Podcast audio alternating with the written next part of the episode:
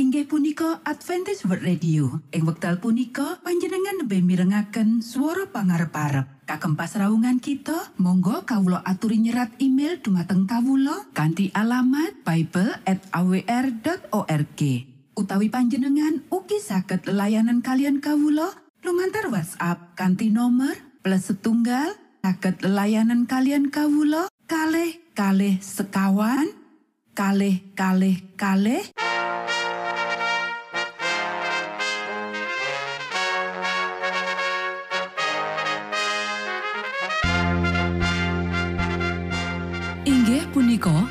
Adventist World Radio ingkang giaran kanthi basa Jawi. Tentrem Rahayu kula aturaken kagem para mitra kinasih ing pundi papan lan panggonan. Sugeng pepanggian malih kalian Adventist World Radio. Kanti bingahing manah Kulo badhe sesarengan kalian para mitra kinasih lumantar saperangan adicara ingkang sampun rinonci mligi kagem panjenengan sami. Mugi giaran punika saged migunani tuwin dados berkah kagem kita sedaya. Sugeng midhangetaken Gusti amberkahi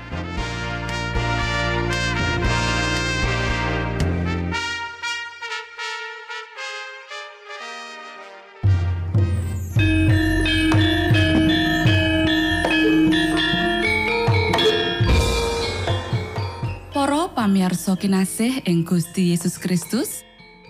Ing wekdal punika kita badhe sesarengan ing adicara ruang kesehatan. Ingkang saestu migunani kagem panjenengan saha kita sami. Tips utawi pitedah ingkang dipun aturaken ing program punika tetales dawuhipun Gusti ingkang dipunnyatakaken ing kitab suci.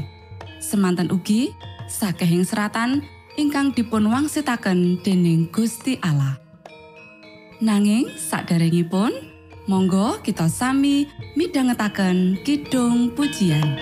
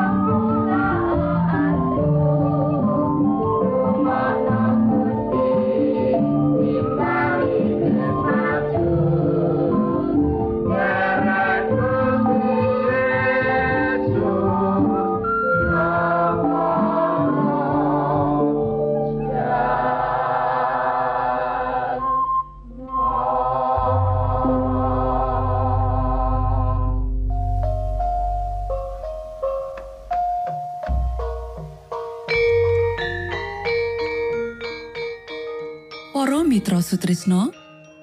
Puji syukur dumateng Gusti ingkang murbeng dumati ingkang sampun kepareng paring wewenngan kagem kita. Satemah saged nglajengaken ruang kesehatan. Pirembakan kita semangke kanthi irah-irahan. Tanggung jawab marang pepadang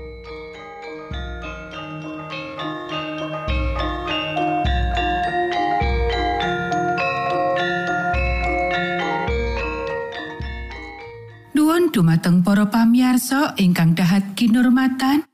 Sugeng pepanggian malih kalian kula Isti Kurnaidi ing adicara ruang kesehatan. Ing dinten punika kanthi irah-irahan tanggung jawab marang pepadang. Para sedherek ingkang kinasih, menawa wong-wong bener-bener meratobat, mula kanthi sadar dheweke bakal ngajeni aturan-aturan urip sing wis ditetepake Gusti Allah sakjroning badane. Kanthi mangkono, dheweke mbudidaya ngendani karingkihan badan lan pikiran sarta kebejatan moral. Panurutan marang angger-angger iki kudune didadekake sawijining tugas pribadi. Kita dhewe kudu nandang leloro amarga panerak angger-angger. Kita wajib nanggung jawabake marang Gusti Allah pakulinan lan tindakan kita. Pitakonan kanggo kita dudu apa komentare donya? Nanging dadi wong sing ngaku umat Gusti Allah kepiye aku kudu nglakokake papan tunung sing diparingake Gusti Allah marang aku? Apa aku bakal makarya demi kapeciane jasmani lan rohani kanthi ngopeni badanku dadi kaabah papan tunung sang roh suci? Utawa aku bakal ngurbanake badanku marang panemu donya lan kabeh bakulinane Para sedherek ingkang kinasih, Gusti Allah wis bentuk angger-angger sing ngatur kahanan kita. Angger-angger iki ya iku ilahi. Panjenengane wis mapanake ing sakjroning diri kita. Kanggo saben panerak ana hukuman tartamtu sing bakal cepet utawa alon bakal dirasakake. Titah manungsa wis lan isih nandang leloro. Ake-ake Lelara iki timbul amarga nglirwakake angger-angger organ badane dhewe. Katone dheweke ora peduli perkara kesehatan.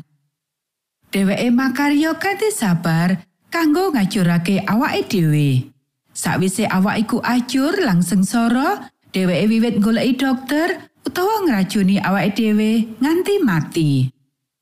Para sedherek ingkang kinasih, menawa ditakokake ngenani kesehatan, wong-wong asring wangsulan. Kawula luwih akeh mangerteni ketimbang lakoni.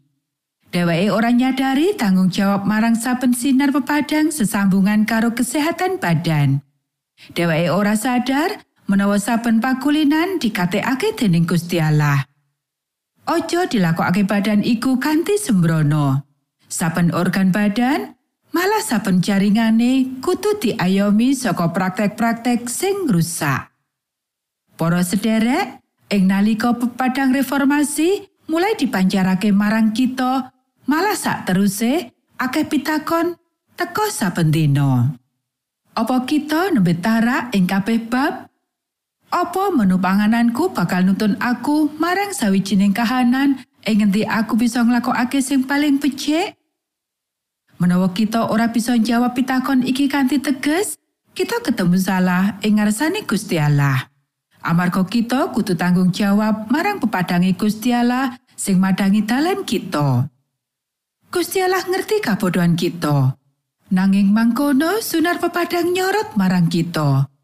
Panjenengane nuntut supaya kita ngowahi pakulinan-pakulinan sing rusak kesehatan lan mapanake diri kita sejalan karo angger-angger fisik. Para sedherek ingkang kinasih, kesehatan ya iku bondo kesugihan. Saka kabeh bondo donya, iku sing paling aji. Kesugihan, pengetahuan lan pakurmatan wis dituku nganggo ngurbanake kekuatan lan kesehatan.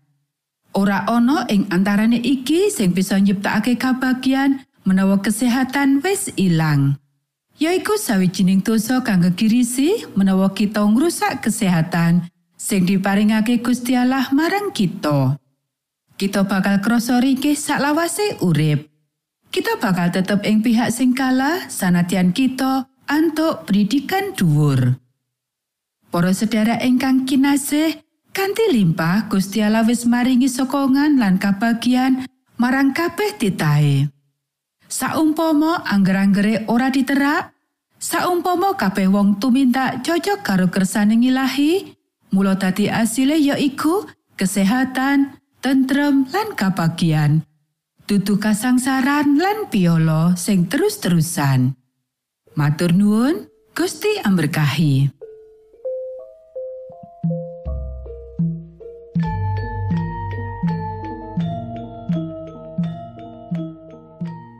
Cekap semanten pimbakan ruang kesehatan ing episode dinten punika. Ugi sampun kuatos jalaran kita badhe pinanggih malih ing episode sak lajengipun.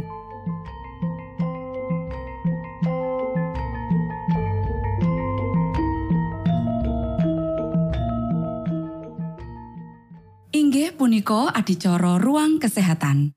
Menawi panjenengan gadah pitakenan utawi ngersakaken katrangan ingkang langkung, monggo kulo aturi kinton email dateng alamat ejcawr@ gmail.com utawi lumantar WhatsApp kanti nomor 025 pitu 00 songo songo papat 00 pitu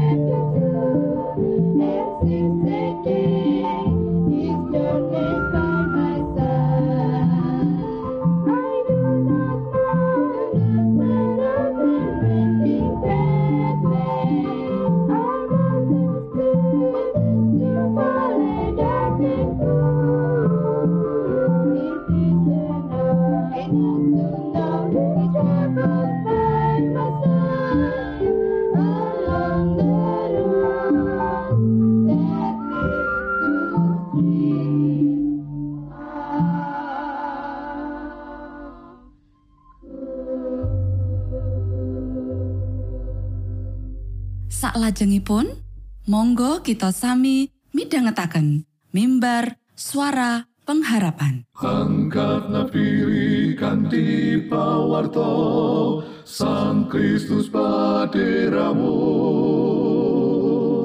Pro umat samyo puji asmanyo Sang Kristus paderamu Inggih punika mimbar suara pengharapan. Ing episode punika kanthi irah-irahan. Ora kepenak sugeng Sulaya minangka tondo Sang Kristus paderamu Ilmu kawero tambah tambah. Sang Kristus paderamu Paderamu Paderamu Sang Kristus paderamu Shalom para pamirsa ingkang kinasih wonten ing Gusti. Sakmenika kita badhe mitangetaken renungan Sabtu pangantikanipun Gusti. Ing dinten punika kanthi irah-irahan ora kepenak. Para sedherek ingkang kinasih, Dawuh Sabtu pangandikane Gusti ing kitab Yunus pasal loro ayat siji ya iku ana ing sajroning wetenge iwak iku Nabi Yunus ndedonga marang Pangeran Yahuwah Allahe. Para sederek, pengalaman Nabi Yunus nalika ana sajroning wetenge iwak iku, kita bisa maca ing kitab Yunus pasal loro minangka satunggaling pagelaran dramatis saka sih katresnan lan kamirahaning Sang Yahweh Allah. Lan pandungane Nabi Yunus nuduhake menawa slirane ora kelangan saka pakabarane sihe Gusti. Nanging patemonane kang tapi-tapi karo Gusti Allah iki ora ateges menawa pola pikir lan tumindake kang lawas bakal gampang owah kingsir. Sanadyan slirane panjen lunga menyang ing kutha Niniwe. Para sedherek ingkang kinasih, monggo diwaca ing kitab Yunus pasal telu. Piye tanggapane para warga ing kutha Niniwe marang apa kang dikutbahake Nabi Yunus? Piwulang apa kang kita tampani saka cerita iki kang kekayutan karo paseksi? Para sedherek ingkang kinasih, apa wae kang dadi perasaan Nabi Yunus tumrap warga Niniwe? Nabi Yunus tetep medharake apa kang wis didhawuhake Gusti Allah marang warga kutha Niniwe lan kasunyatane hasile nang semake ati. Banjur para warga ing kutha Niniwe padha enggal meratobat. Panjen Nabi Yunus kudu nglewati akeh bab. Slirane nglakokake bab kang ora dadi pepinginane. Nanging nalika slirane numindaki iku, Gusti Allah tansah kaluhurake. Para sedherek ingkang kinasih, mula sebab kuwi misine Gusti Allah kudu dipapanake ing bahu wong-wong kuwi kanggo kurban. Senasa wae ana rasa owel. Ajine kita sak mestine mapanake kawigatene Gusti Allah marang kang ilang dadi kang utama. Padha kaya dene Nabi Yunus, kadang kala awake dhewe nduweni prasangka kang nyegati kita kanggo ngrengkuh dulur utawa satunggaling kelompok masyarakat. Para sedherek ingkang kinasih, awake dhewe mbutuhake rasa andap asor nalika nemoni prasangka. Pakaryan misi iki uga mbutuhake wektu lan tenaga kang makepokan karo emosi. Nandur kabecikan ing panguripan wong liyan lan tumemen duweni rasa peduli kanggo dulur-dulur iki bisa nuhake rasa kesel uga. Ing jaman saiki, nalika kita nandang abote panguripan lan ruwete masalah dhewe, menehi dukungan emosional bisa wae nggawa kesele awake dhewe. Para sedherek ingkang kinasih lan kang pungkasan, kekayutan sakjroning misi, kita uga asring kepeksa kanggo ngubah cara kita mikir lan gunakake duit kita. Apa kuwi kekayutan karo menehi pangurmatan kanggo wong liya? Tuku bahan wajanan utawa materi kanggo gayuh njaba utawa bayar sakabeh lelayanan utawa ngentengake pakaryan misi? Temah kita bisa nduweni wektu kang lodang kanggo pakaryan misi. Apa wae jenis pakaryan misi butuhake pangorbanan. Para sederek, kejaba saka kekurangane Nabi Yunus, Kabar apike ya iku menawa Gusti Allah tansah makarya kanthi ngetapi-tapi sakjroning nuntun warga Niniwe padha meratobat. Nelangsane, Nabi Yunus ora bisa ngrasakake berkah saka kabungahan swarga. Monggo kita sami ndedonga. Duh Rama kawula ingkang wonten ing swarga, asma patuko mugi kasucikaken. Kraton patuko mugi rawuh. Karsa patuko mugi kalampahan wonten ing bumi kados dene wonten ing swarga. Kawula mugi kaparingan rejeki kawula sak cekapipun ing dinten punika.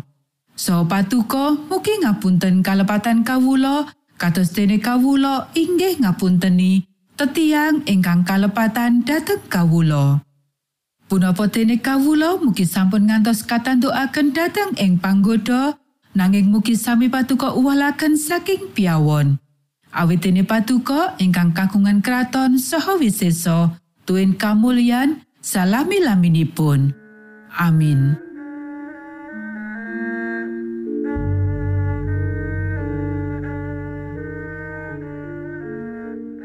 Para Mitra Sutrisno, pamiarsa kinasih ing Gusti Yesus Kristus.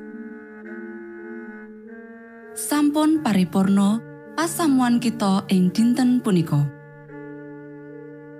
Menawi panjenengan gadah pitakenan utawi ngersakaken seri pelajaran Alkitab suara nubuatan Monggo Kulo aturi kintun email dateng alamat ejcawr gmail.com utawi lumantar WhatsApp kanti nomor 025 pitu 00 songo songo papat 00 pitu.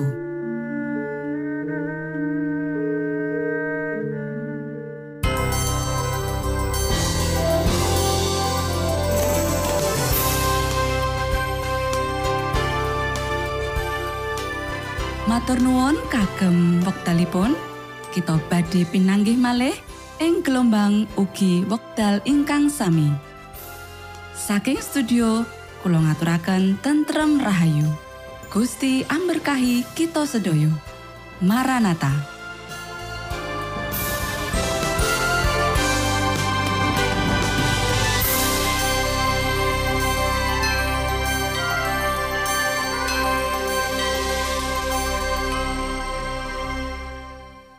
Inggih Adventist Radio. Ing wekdal punika lebih mirengaken suara pangarep-arep. Kagem pasraungan kita, monggo kawulo aturi nyerat email dumateng kawulo kanti alamat bible@awr.org. Utawi panjenengan ugi saged layanan kalian kawulo lumantar WhatsApp kanti nomor plus setunggal saged layanan kalian kawulo kalih kalih sekawan kalih kalih kalih